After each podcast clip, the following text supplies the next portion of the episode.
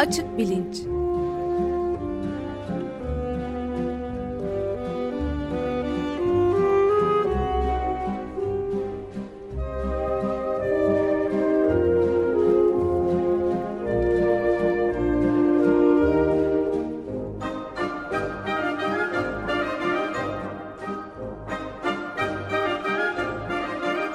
Güven Güzeldere ile bilim ve felsefe sohbetleri. Günaydın Güven Bey, merhabalar. Günaydın Ömer Bey. Günaydın Güven Bey, hoş geldiniz. Günaydın Can, hoş bulduk. Konuğumuz var. Fuat Balcı, Koç Üniversitesi'nden. Hoş geldin Fuat. Hoş bulduk. Hoş geldiniz. geldiniz. Teşekkürler. Ee, ben e, Fuat'ı kısaca tanıtayım. Aslında e, kısaca diyorum çünkü e, program boyunca e, bitmeyecek e, e, uzun bir tanıtmaya e, sebep olacak e, çok başarılı niteliklere sahip genç bilim insanlarımızdan. E, Koç Üniversitesi Psikoloji bölümünü bitirdikten sonra e, Amerika Birleşik Devletleri'nde Rutgers Üniversitesi'nde e, yine psikoloji bölümünde doktora e, çalışmalarını tamamlıyor. E, Fuat Balcı e, bir ilaç e, şirketinin araştırma geliştirme biriminde kendi araştırma grubunu yönettikten sonra Princeton Üniversitesi'nde 3 sene boyunca 2008-2011 arasında e, doktora sonrası çalışmalar yapıyor. 2011'de Koç Üniversitesi'ne geliyor. 2013 senesinden bu yana da e, doçent olarak çalışmakta. E, Fuat Balcı'nın e, uzmanlık alanlarından bir tanesi zaman algısı ve zamanın karar verme süreçlerinde e, ne şekilde e, etkisi olduğu. Bugün de ondan konuşacağız. Ama e, bir taraftan da e, Fuat'ın araştırmalarının TÜBİTAK, Avrupa Birliği, Türkiye Bilimler Akademisi gibi kurumlar tarafından desteklendiğini, kendisinin e, Türkiye Bilimler Akademisi'nden, TÜBİTAK'tan e, teşvik ve genç bilim insanı ödülleri aldığını e, çok sayıda e, bilimsel dergide e, yayınları olduğunu e, da altını çizerek burada söyleyeyim. Yeniden teşekkürler geldiğin için. Ben teşekkür ederim sağ olun. E, uzunca bir evrim serisi yaptıktan sonra e, müziğin evrimi ve müzik bilişimi, e, müzik kognisyonu e, konusuna geçtik. E, bu konunun temel unsurlarından bir tanesi zaman algısı. Çünkü e, senkronizasyon sağlayabilmek için, e, müziği takip edebilmek için, melodik yapıyı izleyebilmek için e, zamana ihtiyacımız var. Zamanı izleyebilmeye, yönetmeye, algılamaya ihtiyacımız var. E, bu konuda e, işin daha temel kısımlarını konuşalım diye ee, geçen hafta e, Özlem Çevik konuğumuz olmuştu. Zaman algısı konusunda çalışmış e, bilim insanlarından biri olarak. E, şimdi aynı e, eksen üstünde e, Fuat Balcı ile konuşacağız. E, Fuat'ın çalışmaları gerek e, psikolojik, gerek davranışsal, gerek genetik e, ve gerekse de beyin görüntüleme gibi pek çok değişik yöntemi içeren ve bir araya getiren e, heyecan verici çalışmalar. E, nereden başlayalım? Nereden başlayalım? Zamandan başlayalım bile isterseniz. Tanımından tamam. başlayalım. Nedir bu e, bu konuyu zor kılan ya da bizim için ilginç kılan? E, daha sonra belki soru cevap şeklinde tamam. devam Ve tabii çok önemli kılan. E, evet, yani bütün evet. canlılar dünyasında çok temel unsurlardan bir tanesi ve, zaman. Kesinlikle ve zaman bulursak da zaman hakkında konuşurken e, bunun e, klinik e, klinik durumlar için ya da hastalıklar için nasıl bir önem arz ettiği ya da değişik hastalıklarda zaman algısının nasıl değiştiğinden bahsedebiliriz. Bunu da beyin Tamam. davranış arasındaki ilişkiyi de açıklamakta belki kullanabiliriz diye düşünüyorum. E, şimdi birçok duyusal süreç tabii ki e, onlarca senedir e, çalışıldı sinir bilimsel seviyede ya da çerçevede. E, bunlar çok zor çalışmalardı e, ya da duyusal süreçlerin anlaşılması zor bir işti. Ama kolay bir yanı vardı bu çalışmaların. Çünkü fiziksel bir e, fiziksel bir referans var aslında duysal süreçleri çalıştığınızda. Örneğin e, görme duyusunu çalışıyorsanız e, karşınızda e, gördüğünüz ya da bu işin fenomenolojisinde e, yaşadığınız, kavramsallaştırdığınız bir obje var. işitme duyusunu çalışıyorsanız işte ses dalgaları var vesaire. Biz kaçınılmaz olarak görüyoruz. Yani gözümüzü açtığımızda görmeme gibi bir şeyimiz yok, seçeneğimiz yok. Bunlar çok modüler süreçler. Duyma da keza öyle. E, zaman da öyle. Yani biz farkına varmadan zamanı da algılıyoruz. Örneğin size burada sorsam ne kadar zaman geçti saate bakmayalım. Programa başladığımızdan beri. Hepimizin buna bir yanıtı var. Ve aşağı yukarı da benzer yakın. Aşağı eğer evet herkesin sağlıklı işleyen bir zaman e, zamanlama mekanizması varsa evet ortalamayı aldığınızda muhtemelen yani 10 kişinin ortalamasını aldığınızda tahminlerin ortalamasını aldığınızda gerçekten geçen zamana denk geleceğini düşünüyoruz. Evet yani hiçbirimiz 15 saniye geçti ya da iki buçuk saatte buradayız demeyeceğiz en azından. Evet, evet. E, bir birey içinde de böyle. Eğer siz tekrarlı olarak bir süreyi tahmin ederseniz ya da üretirseniz ortalamada çok doğru olarak tahmin edeceksiniz. Ama bir gürültü ile aynı zamanda bunu davranışınız, davranışınıza yansıtacaksınız. Diyelim ki 10 saniyede bir parmağınızı vurun dediğimde bazen bu 8 saniye olacak bazen 15 saniye olacak ama ortalamada 10 saniye 10 saniyeyi bulacaktır. Şimdi zaman algısı ile ilişkili ilginç olan nokta şu. E, fiziksel bir şey yok, referans yok. Evet. Yani zamanı tutamıyoruz, zamanı koklayamıyoruz, zamanı göremiyoruz, duyamıyoruz. 5 saniyelik 5 saniye boyunca zıplama, 5 saniye boyunca uyumaya denk. O yüzden aslında soyut bir şey zaman. Evet. Ee, nasıl temel soru da şu. Bir şey bu kadar soyutken nasıl oluyor da insan beyni bunu kavramsallaştırabiliyor? Daha da ilginci nasıl oluyor da hayvan beyni bunu kavramsallaştırabiliyor? Bu konuda bir sürü hayvan çalışmaları da var ve hayvanların zamanı ya da süreleri e, insanlar gibi algıladığını işaret eden birçok bulgu var. Tabii burada bir e, parantez açayım. Bizim zaman algısımız zaman algısı dan kastımız saniyeler ile dakikalar arasındaki süreler. Yani 24 saate ulaştığınızda bu sefer circadian ritim dediğimiz farklı bir e, fonksiyon aslında bununla başa çıkıyor. Onun da işte suprakaizmatik e, nucleus dediğimiz çok küçük bir beyinde bir bölge bölgenin aslında 24 saatlik süreleri e, ne diyelim zamanlayabildiğini evet. ya da davranışı bu sürelere bağlı olarak düzenleyebildiğini görüyoruz. E, bizim zaman algısından kastımız saniyeler, ve dakikalar arasındaki süreler. Evet.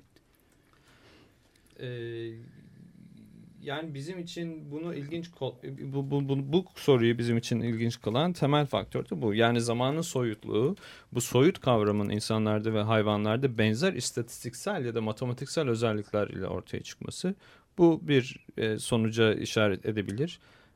İnsan ve hayvanların beyninde zaman algısının altın, altında yatan sinirsel mekanizmalar hatta genetik me mekanizmalar e, benzer olabilir, örtüşebilir, ortak olabilir. Burada da çevrimsel çalışmaların ya da translational research dediğimiz yani e, çalışmaların alt, altında yatan temel varsayım da evet.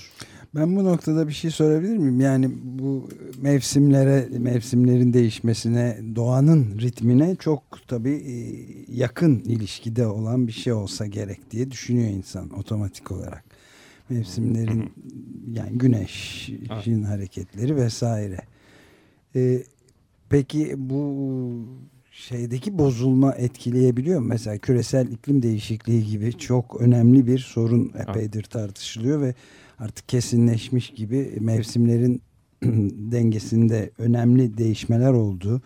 İşte baharların yavaş yavaş ortadan kalktığı, uzadığı sıcak mevsimlerin filan gibi bunun zaman algısı açısından insan ve hayvan var. beyninde etkisi oluyor mu acaba?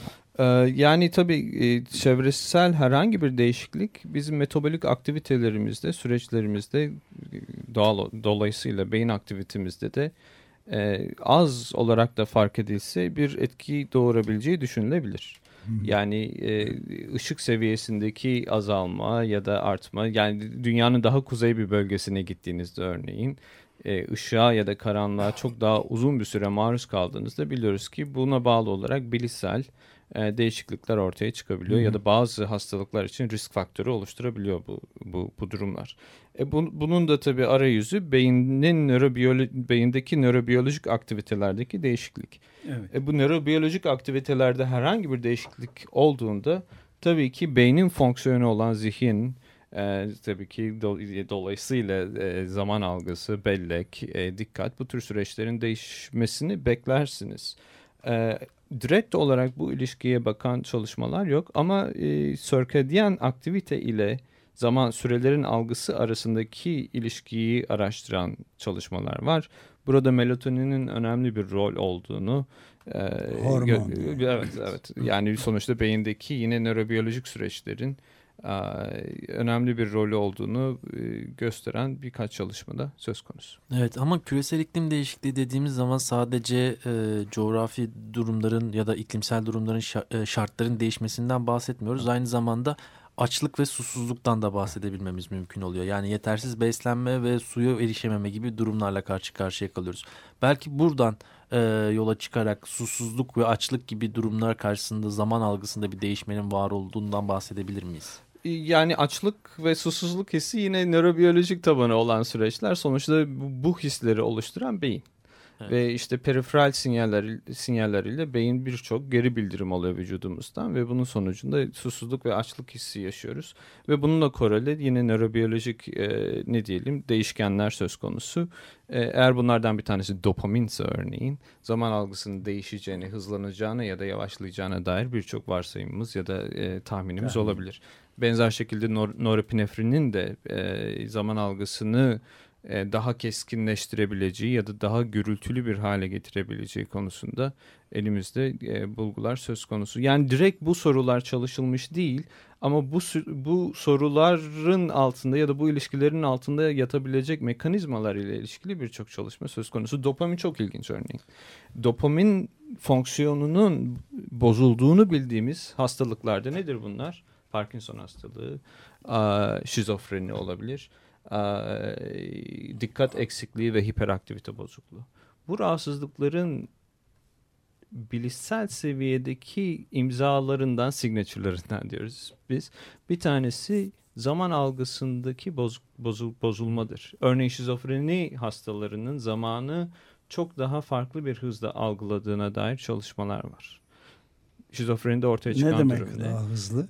Diyelim 5 saniyeyi e, 7 saniye gibi e, algılayabilir şizofreni hastaları. Çok ilginç, evet. Aa, bu da aslında bunun e, kuramsal tabanı da bulunmakta. E, zaman algısının modellerinden bir tanesi e, dopamin saat hipotezidir. Bu hipoteze göre işte beynimizde aslında bir iki bölge var dopamin e, ne diyelim sentezleyen ve beyine salan. Bunlardan bir tanesi substantia nigra pars compacta şey demek bu siyah madde demek. Evet. Oradaki dopaminerjik nöronlar öldüğünde, sinir hücreleri öldüğünde bu bölge beyaz, pale bir hal almaya başlıyor. Yani Parkinson hastalarının aslında beyninde substantia nigra pars compacta farklı bir renk almış durumda. Çünkü dopaminerjik nöronlar ölüyor. Dopamin saat hipotezine göre bu bölgenin oluşturduğu, ortaya çıkardığı dopamin sinyalleri aslında bizim konvansiyonel saatlerimizdeki tikler gibi işliyor. Yani bir şekilde dopamin salgılandığında bunlar saat saatin ya da zamanın ham maddesini, bilişsel ham maddesini oluşturabiliyor. Ama bunu sayan da bir mekanizma olması evet. gerekiyor. Nedir sayan mekanizma?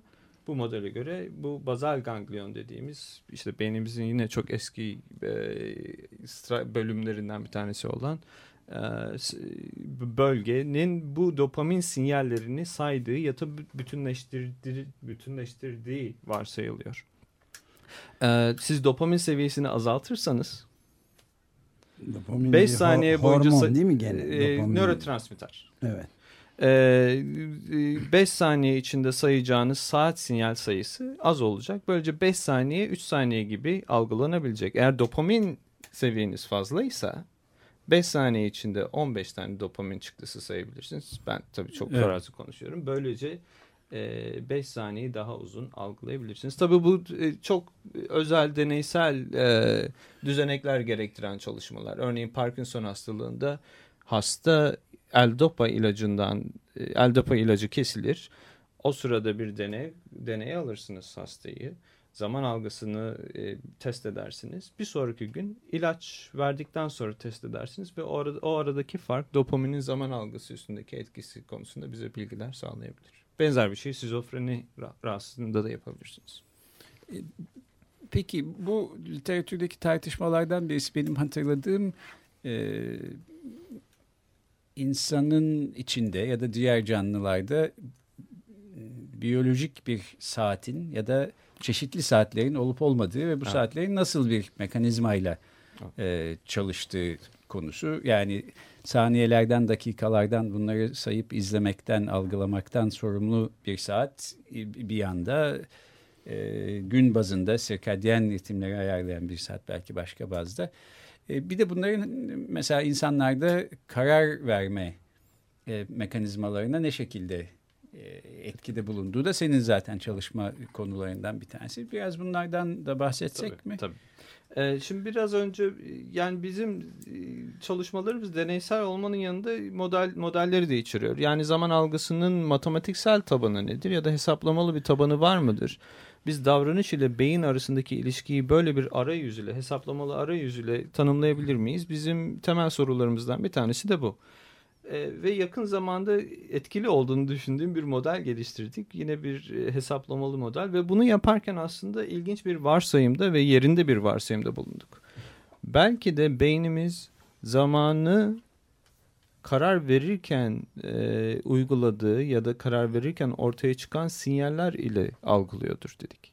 Biraz önce dedim ya hani dopamin çıktısı düşünün ve dopamin çıktılarını saatin tikleri olarak düşünün. Tikler. Ve zaman algısının bunların bütünleştirilmesine bağlı olduğunu varsayın dedim. Aslında karar verme mekanizmaları da beyinde çok benzer bir profil sergiliyor. Örneğin birçok maymun çalışması var. LIP, lateral inferior parietal lobule'dan e, sinirsel hücre kaydı alırsanız maymun bir karar verirken iki seçenek arasında bir karar verirken bir e, bütünleştirme sinyali görüyorsunuz. Bir şekilde oradaki nöral nüfus aktivitesini zamana bağlı olarak arttırıyor. Ve bütünleştirilen kanıt seviyesi bunun e, kanıt bütünleştirme süreciyle e, paralel olduğunu düşünüyoruz. Belirli bir seviyeye ulaştığına, hayvanın seçtiği belirli bir seviyeye ulaştığında buna karar eşiği diyelim. Hayvan karar veriyor. Örneğin e, sola mı gideceğim, sağa mı gideceğim? E, ya da e, sol tuşa mı basmalıyım, sağ tuşa mı basmalıyım? Tabii bu kararları verirken şey yaptığı, izlediği belirli bir uyaran var ve o uyaran içinde de bir kanıt var, bir bilgi var. Biz dedik ki belki biz zamanı da böyle algılıyoruz. Ama Hı. kanıt ne zaman için? Beynin kendi oluşturduğu sinyaller. Ee, bu, bu anlamda dediğim gibi tabii burada ne yazık ki detaylarına girmem çok mümkün değil ama beyin tarafından ortaya çıkarılabilecek e, hesaplamalı dinamikler tanımladık. Çok basitçe anlatayım. Bir nöral grup düşünün. Bu nöral grup glutamat e, şey yapıyor, e, salgılıyor. Yine nörotransmitterlerden bir tanesi. Uyarıcı bir nörotransmitter Bir başka nöral grup düşünün. GABA salgılıyor. Bu da temel baskılayıcı nörotransmitter e, beyin. Evet. Eğer bu iki grup sinir hücresi üçüncü grup bir sinir hücresine bu sinyalleri gönderiyor olsaydı ve bu üçüncü grup sinir hücresi elde ettiği ya da bu iki sinir grubundan, sinirsel gruptan elde ettiği sinyalleri bütünleştiriyor olsaydı ortaya çıkacak e, ortaya çıkacak profil ya da e, bütünleştirilen sinyal sinyalin profili bizim matematiksel olarak çok iyi tanımlayabildiğimiz bir e, profil. Yani stokastik diferansiyel denklemler ile tanımlayabildiğimiz bir dinamik bu. Ve ilginç olan da şu ki bu modeller onlarca senedir işte 70'lerden beri hatta daha da öncelerinden değişik alanlarda kullanıldı. Ee, karar verme mekanizmalarını açıklamak üzere kullanılan modellerin ta kendisi. Ve şunu gözlemledik. Evet, biz bu modeli insan ve hayvan davranışını açıklamak üzere kullandığımızda ortaya çıkan zamanlama davranışının temel istatistiksel özelliklerini çok otomatik olarak açıklayabiliyoruz. Bu alanda yapmış olduğumuz henüz basmadık. Çünkü bir pilot, bir pilot çalışmaydı. Princeton'da yaptığımız bir çalışma. E, fonksiyonel ma manyetik görüntüleme yöntemi olarak e, kullanarak yaptığımız bir çalışmada örneğin sağ e, inferofrontal e, gyrus'ta yine böyle bir rampa gibi bir aktivite gözlemledik insanlar zamanı algılarken. Ve e, değişik süreleri algılarken ortaya çıkan nöral aktivitedeki farklılık bizim modelimizin yine tahmin ettiği e, farklılıklarla çok paralellik gösterdi. Şu anda o çalışmayı tekrarlıyoruz. Hani bizim daha fazla güvenebilmemiz için sonuçları ve basabilmemiz evet. için ikinci bir çalışma yapıyoruz. Yani şöyle diyebilir evet. miyiz? Ee, zamanı nasıl algılıyoruz?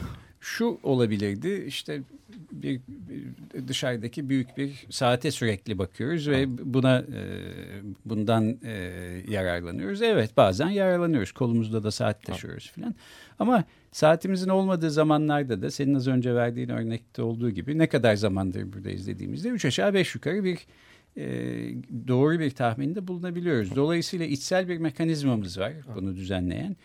Bu mekanizma fakat dışsal bir etkeni izleyerek her zaman e, davranmıyor. Yani e, dışarıda bir tiktak duyuyor olsak onu sayıyor olsak falan öyle değil.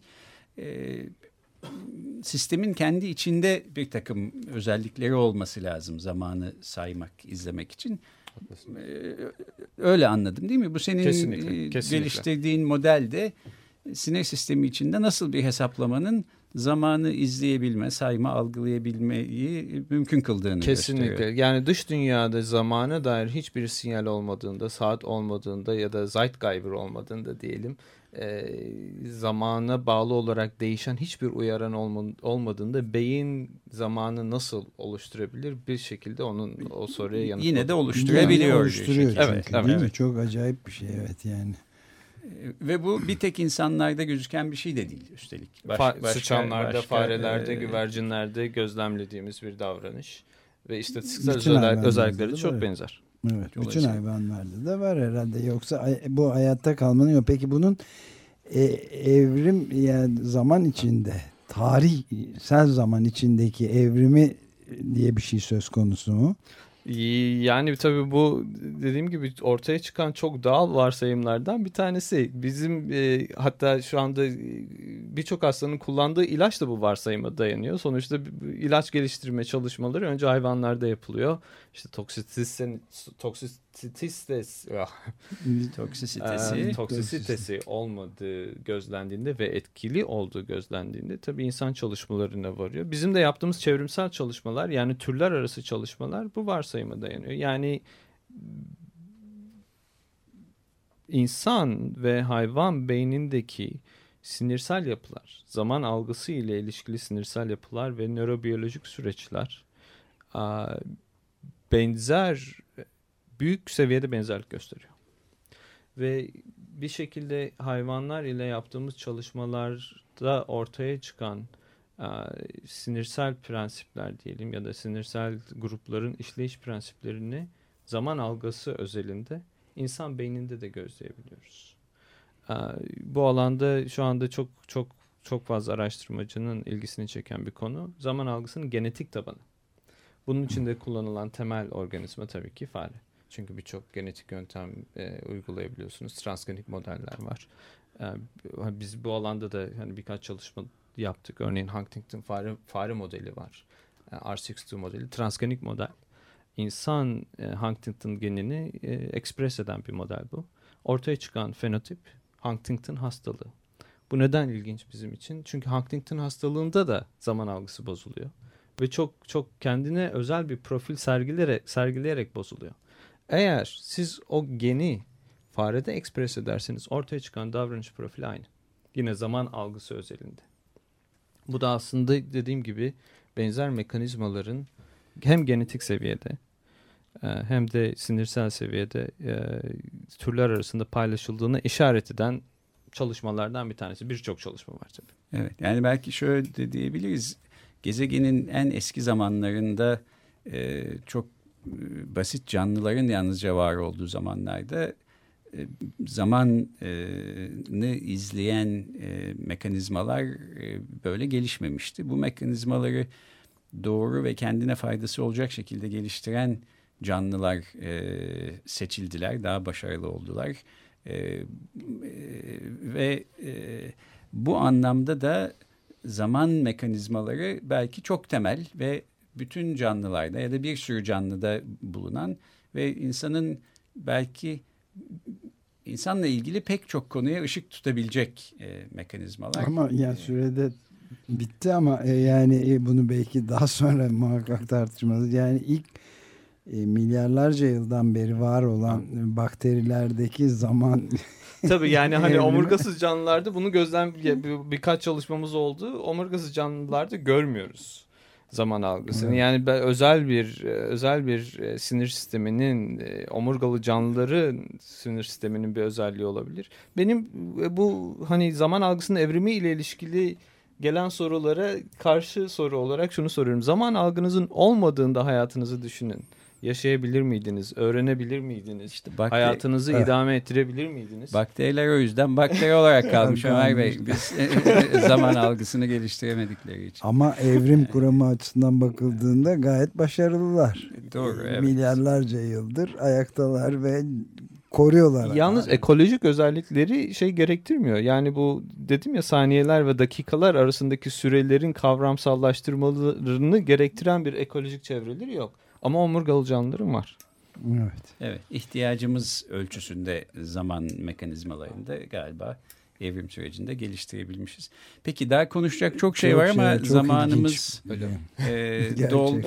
E, başka bir programda ileride e, Fuat Balcı'yı yeniden konuk alırız diye e, buradan söz almış olalım. Evet. Peki, hakikaten çok seve Çok seve. teşekkür ederiz. Koç Üniversitesi Psikoloji Bölümünde öğretim üyesi doçent doktor Fuat Balcı konuğumuzdu. Zaman e, algısı mekanizmalarından e, konuştuk. Çok teşekkür ediyoruz. Ben teşekkür ederim. Sağ olun. Çok teşekkürler. Görüşmek üzere. Hoşçakalın.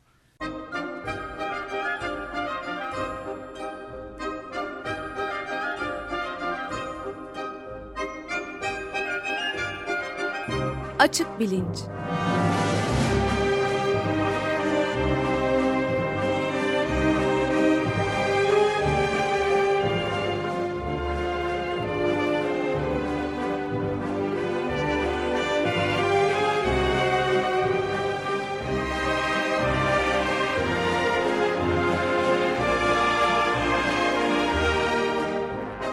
Güven Güzeldere ile bilim ve felsefe sohbetleri.